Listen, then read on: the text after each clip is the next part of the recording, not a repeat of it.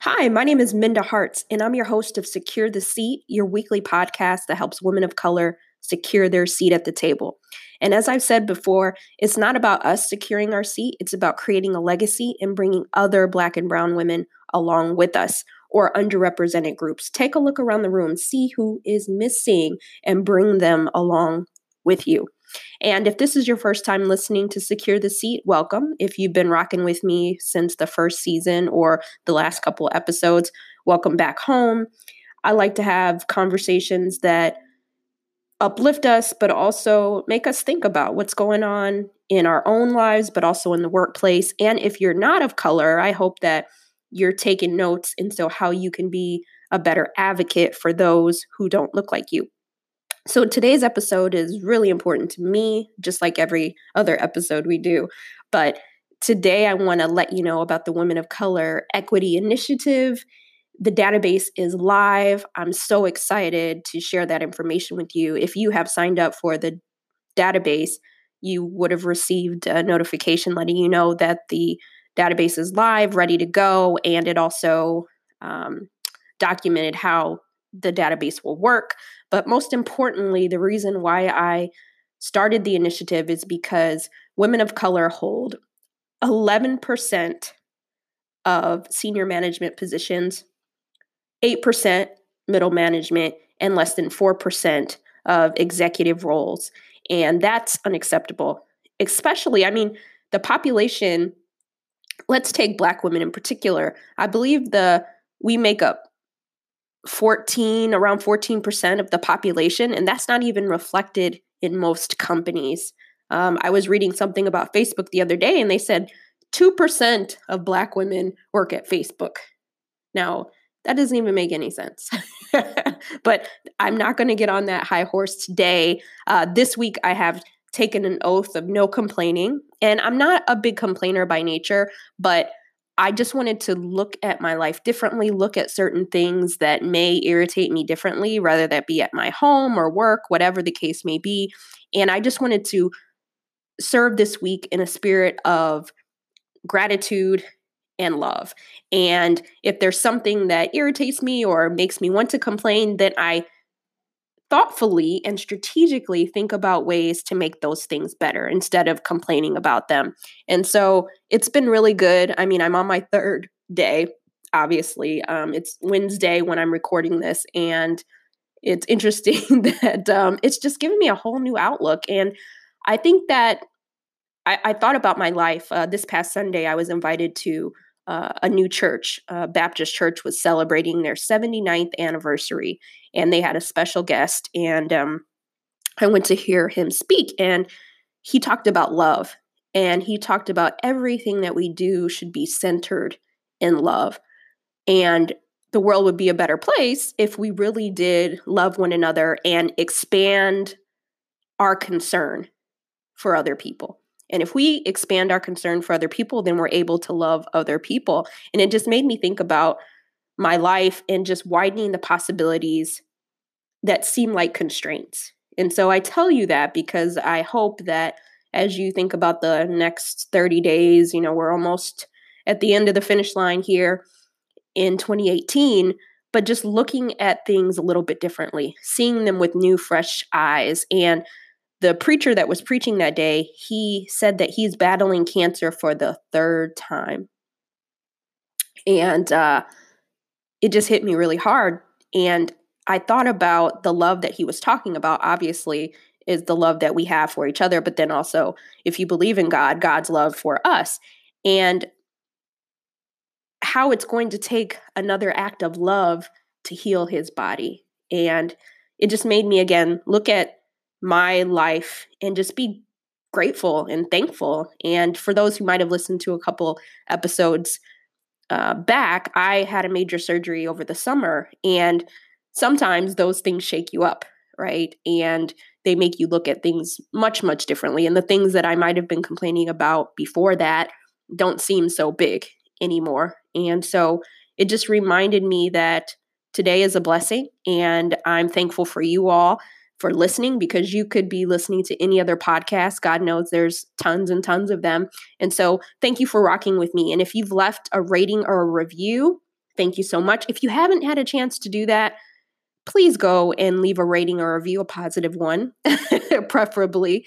And let's send a signal to the powers that be that look at the metrics, that look at the data, and let them know that this is an important podcast. You know, many of you reach out to me in email or on instant messengers or DMs and you let me know that you love the podcast. And I hope that you would do the same thing. Take one more step and leave me a rating or review. And if you have not joined the Women of Color Equity Initiative, if you are a woman of color and you want access to opportunities that will put you in a position to be in an equitable and inclusive environment toward the C suite or in the C suite, make sure you add your name there.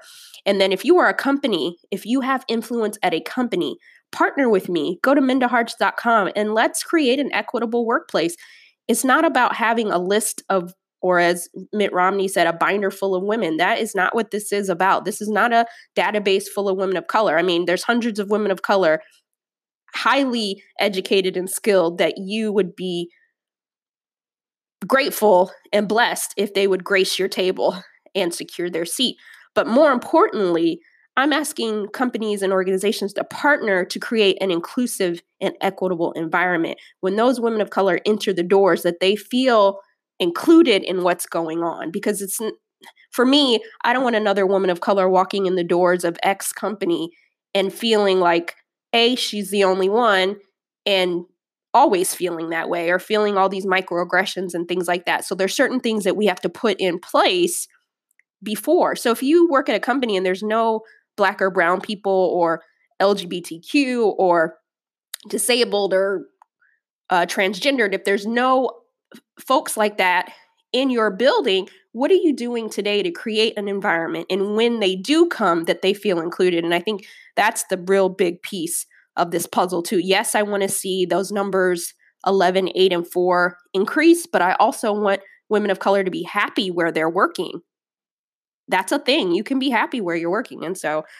I don't want to get off on a tangent, but today's episode is called Culturally Conscious. And my guest, I've been following her for a long time, and I'm so excited that uh, she said yes to secure the seat. Her name is Valencia D. Clay. She is a change maker, she is an educator. She calls herself a servant.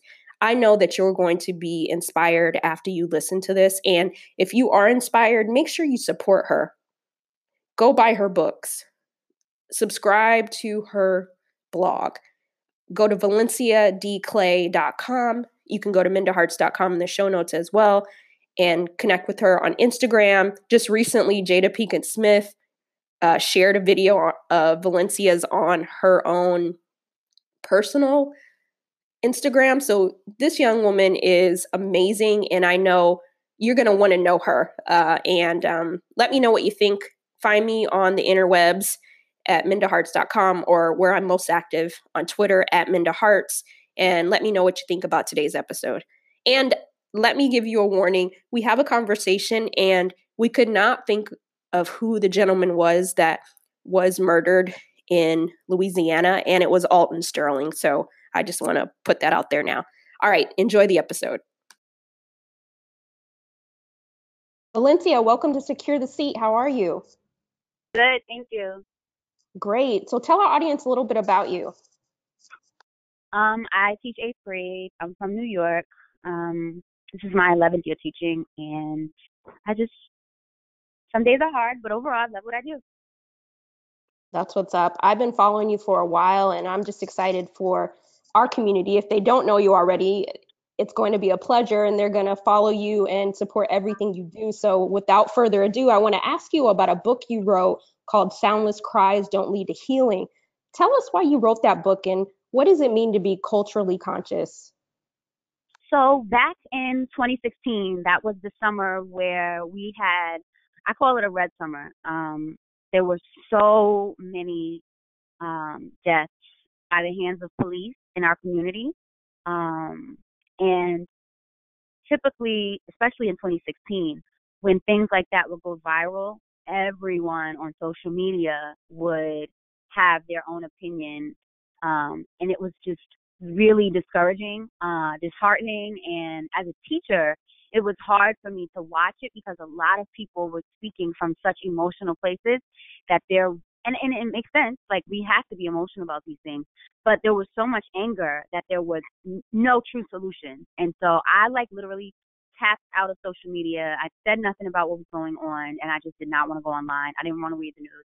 I didn't want to see anything. Like at that point, there were like four deaths. I think it was like Philando Castile. Um, well, it was the I forget his name, but he was like shot. He he was shot, I think, in the back or in the chest. He was laying on the ground. The one that was selling CDs outside of New Orleans, I think it was Baton Rouge. I cannot remember his name. Oh um, yeah. You know who I'm talking about? Mm-hmm. Yeah.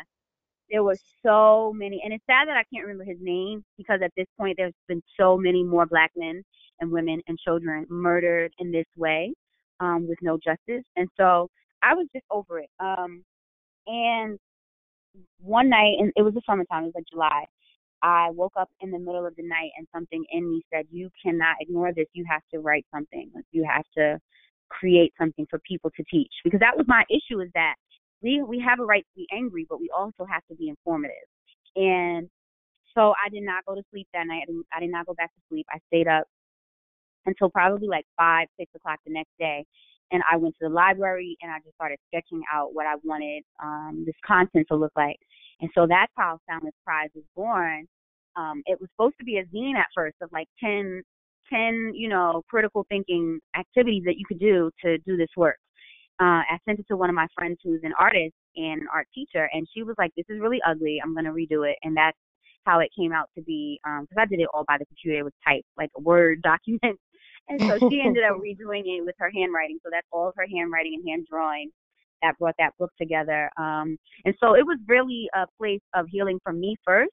But being, I knew that because I had such a, um, I had only like 10,000 followers at the time, so I wasn't expecting it to like do anything, um, you know, drastic as far as changing, but I knew that it would plant a seed. And that's all that I wanted was for enough people to be able to say, this is how we should talk about um, brutality of our, you know, and the dehumanization of our people. This is how we should talk about black power versus white privilege.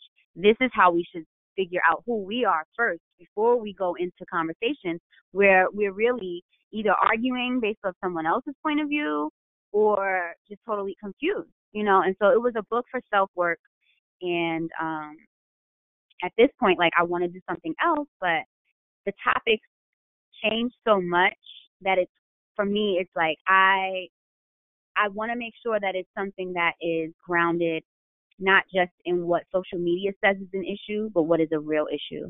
And right now you know you see like melanin is popping everywhere and you see natural hair and people really think that things have changed when it comes to self self esteem in our community. But in reality, in my classroom, I have kids who are, you know, dark skinned who feel like they're ugly. And I'm talking about my boys.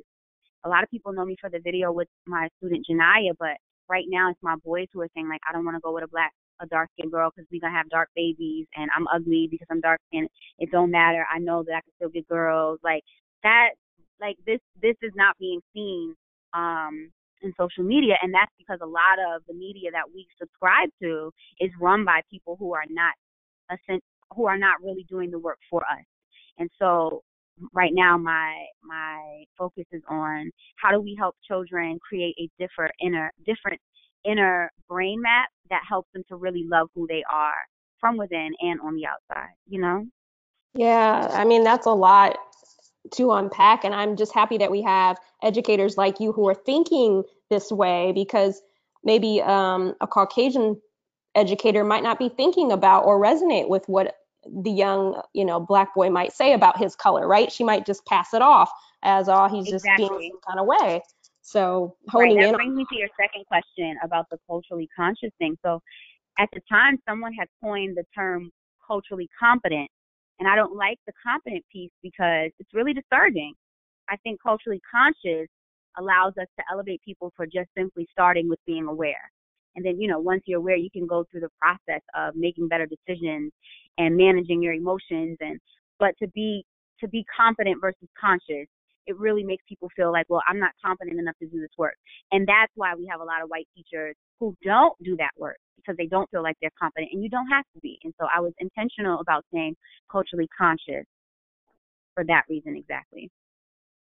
That makes a lot of sense. And you can still purchase that book. It's very relevant. So I'll make sure at mindaharts.com it's in the show notes. So make sure that you you pick that up. And so I'm glad that you put that out there. Um, the other thing I was going to ask you about is I heard a interview that you did a while back about the victim mentality. And I know in the work that I do is a lot of uh, ad- advocacy for women of color in the workplace. And sometimes when we're hit with some of these inequalities, it's easy for us to become the victim. Obviously, there's systemic issues that are embedded. So, you know, we, we start from a different vantage point, but how can we shift our mindset to being more visionary in the workplace over victim? So that's a really tough question because in order to to really shift your mindset from being a victim, you have to be celebrated. Like I really know that things come from within, but to be able to feel safe, to be able to feel um, vulnerable, that comes from having leadership in the workplace that does that first. And so it's tough because in that same breath, we have women of color who are leaders who have to lead that work that aren't. Even in the classroom, we have a lot of broken teachers trying to teach our children. And there's no way in which we can heal if we don't heal ourselves first. And so the work that starts from within, I can't really speak to yet because I was able to stop being a victim because someone told me you're being a victim. You know what I mean? And so I was like, what? I didn't even get it. And then I did a lot more reading and I started to really start to look at myself and I'm like, I am you I am looking at my my childhood as a as oh, look what I've been through. And now I'm looking at my childhood like, look what I overcame and look what you can do mm-hmm. too, you know? And so we have so many people walking around with this mentality, not just from their childhood or their past, but from things that happen every day. You could get into a fight with your boss, not see the side that you played in it, the role that you played in it, right? And then you become the victim when really both of you brought some some sort of animosity to that table. And so it really it really doesn't start from within. It starts from people around you. But then the question of how do you get the people around you to do that, or how do how do you become that person, is by listening to I guess things like this, where now you may not have had somebody in your circle necessarily tell you about yourself or talk to you about being a victim, but you're hearing someone like me or someone else do it. And so I say all of that to say that I think that a lot of us need to just continue telling our narrative in a way that brings the light out of the darkness. And the more we do that, and the more we label the fact that we cannot be victims but be visionaries, be vic- not be victims but be victorious, the more we do that with our platforms, the more other people will be able to do that self work. Ooh, I love that.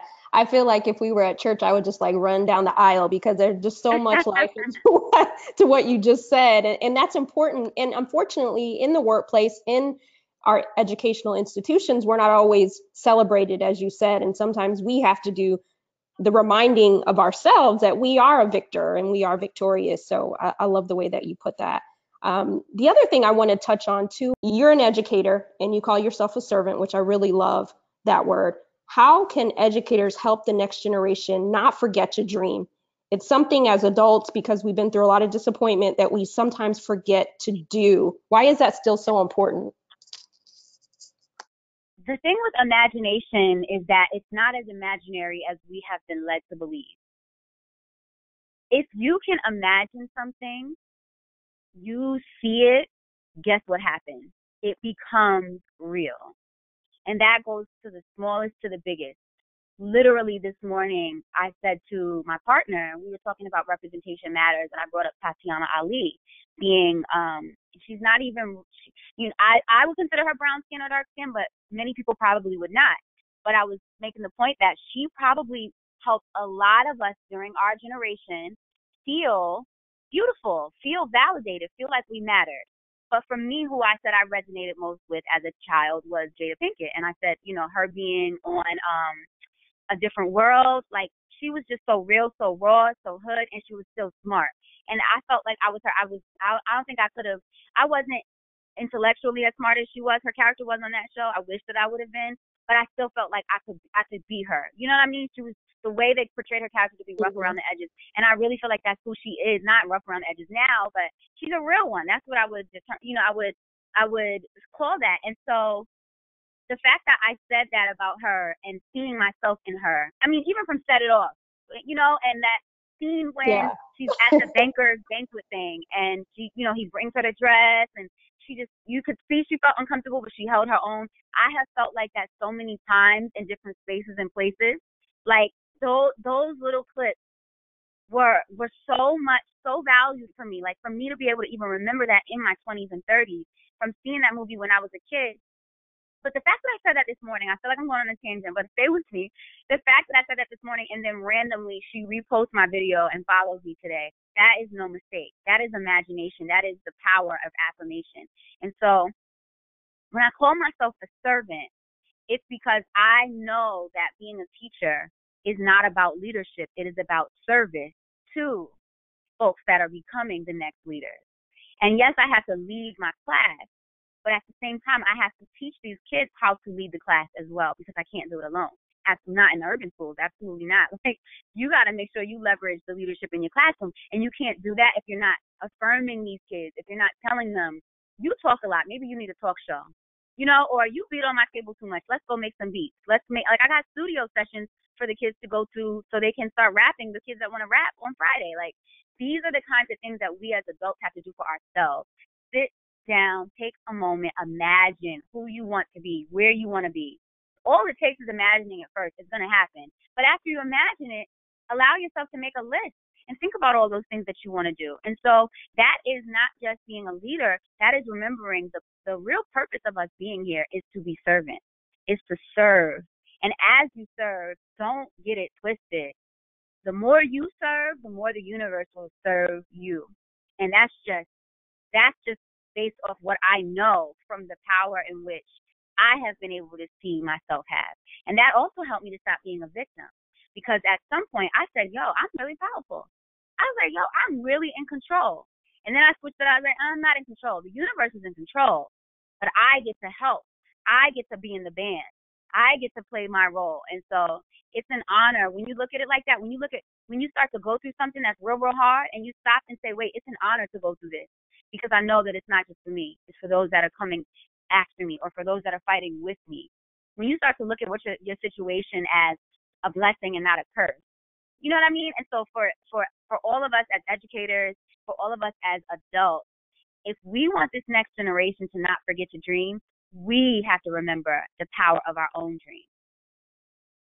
Mic drop. Uh, I love that. And I, you know, one thing that we talk about on secure the seat all the time is it doesn't matter you know how many followers who gives you the the cosign whatever whatever. If you do the work everything else will will follow. And i just want to follow up. You do the work. You walk it like you talk it. And that's why you can have that that dream of resonating with Jada and then having that manifest in real life. You didn't have to beg her or slide up in her DMs or any of those things. Like it just you kept doing you. And I I just want to impress upon the people listening that, you know, all you have to do is just continue to serve and the right people will notice the work that you do if you're in it for the right reasons and sometimes not. You get lucky, right? so Yep. Yep. Yeah. So yep, kudos exactly. to you. Um, that's yeah. And you're right. It really it really isn't about who's following you or how many followers you have. Like that's one thing that a lot of people forget um, when they're when they are trying their best to be um, and I, they call it influencer, right? But the reality is you are influential in your work no matter who's watching you, no matter who's helping you, no matter what, because it's about it's about who you are helping. But at the same time, for me to be recognized by someone in in her how do I say this? Her conscious level.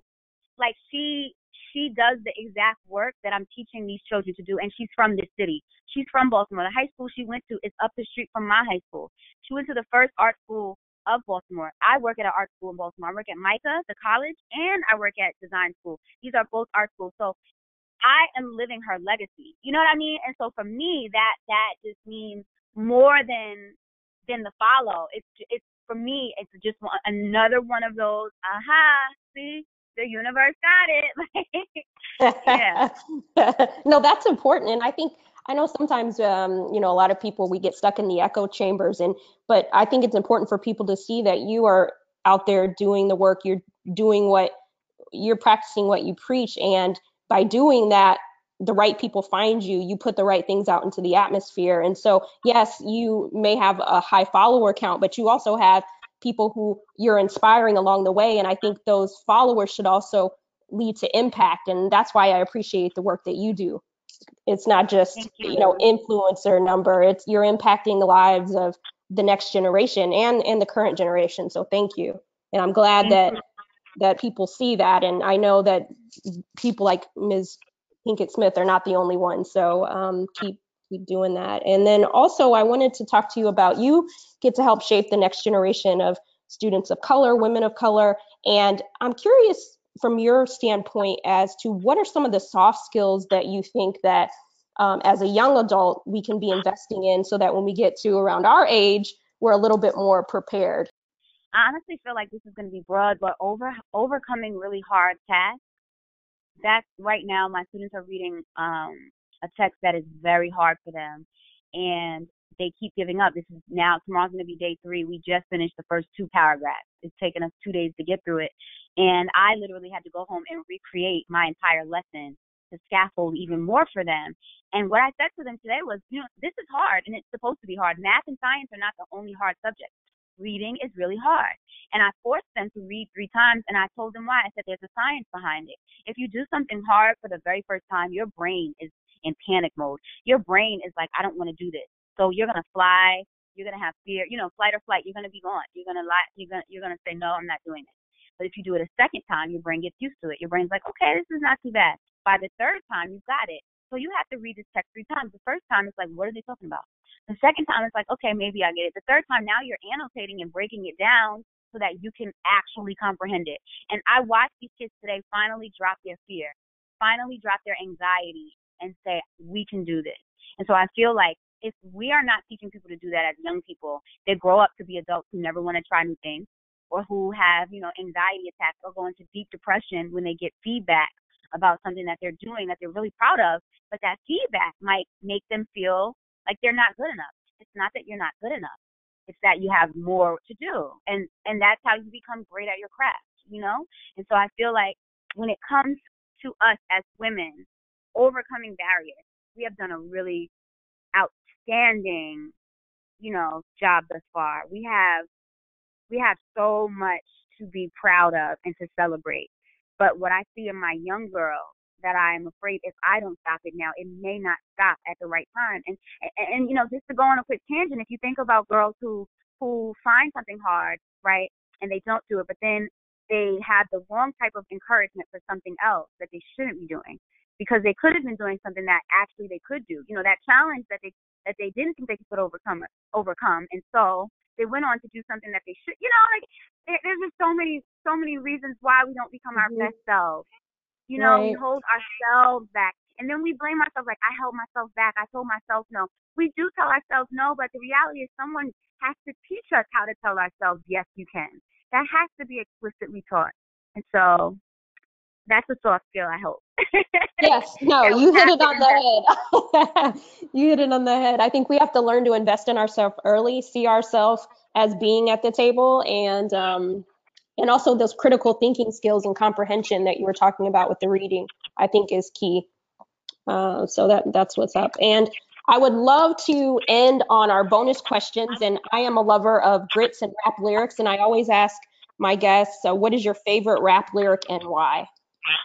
Hmm. I don't know if I have a favorite. Um, can when they go low, we go high be a rap lyric? Because I feel like Michelle Michelle Obama dropped the bar when she said that. yes, and we we will remix that up in all kinds of ways. We we have to constantly remind ourselves of that. So yes, that works for me. Um, uh, the former first lady, she can always drop that bar anytime and, it'll never get old. So um, I like that one. And the show is called Secure the Seat. When I say that, what does it mean to you?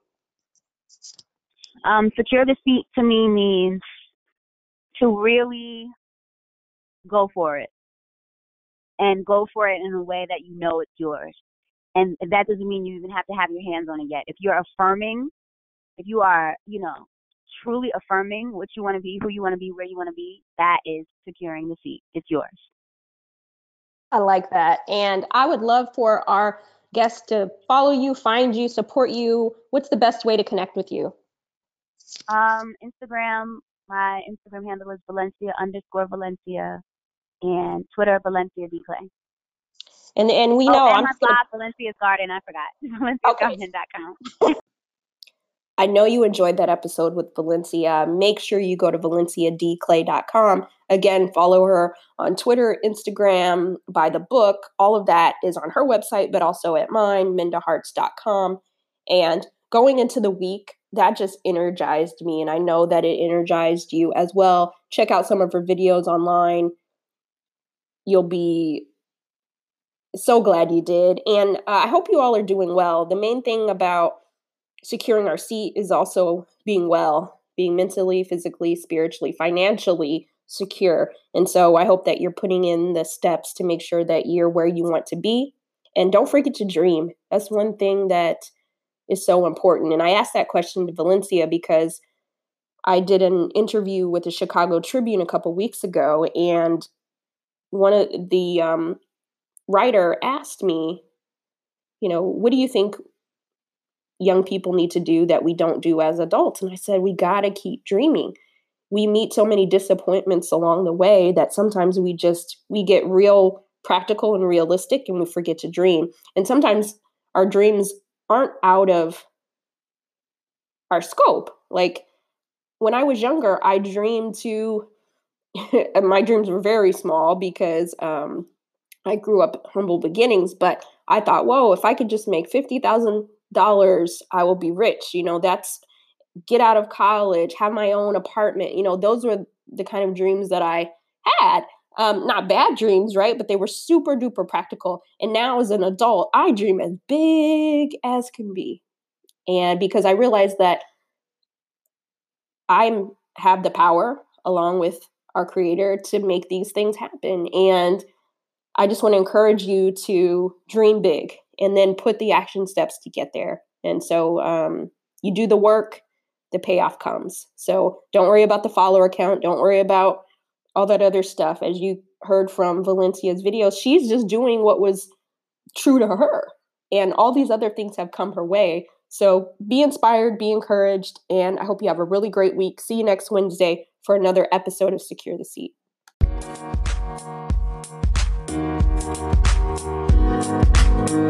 Bye.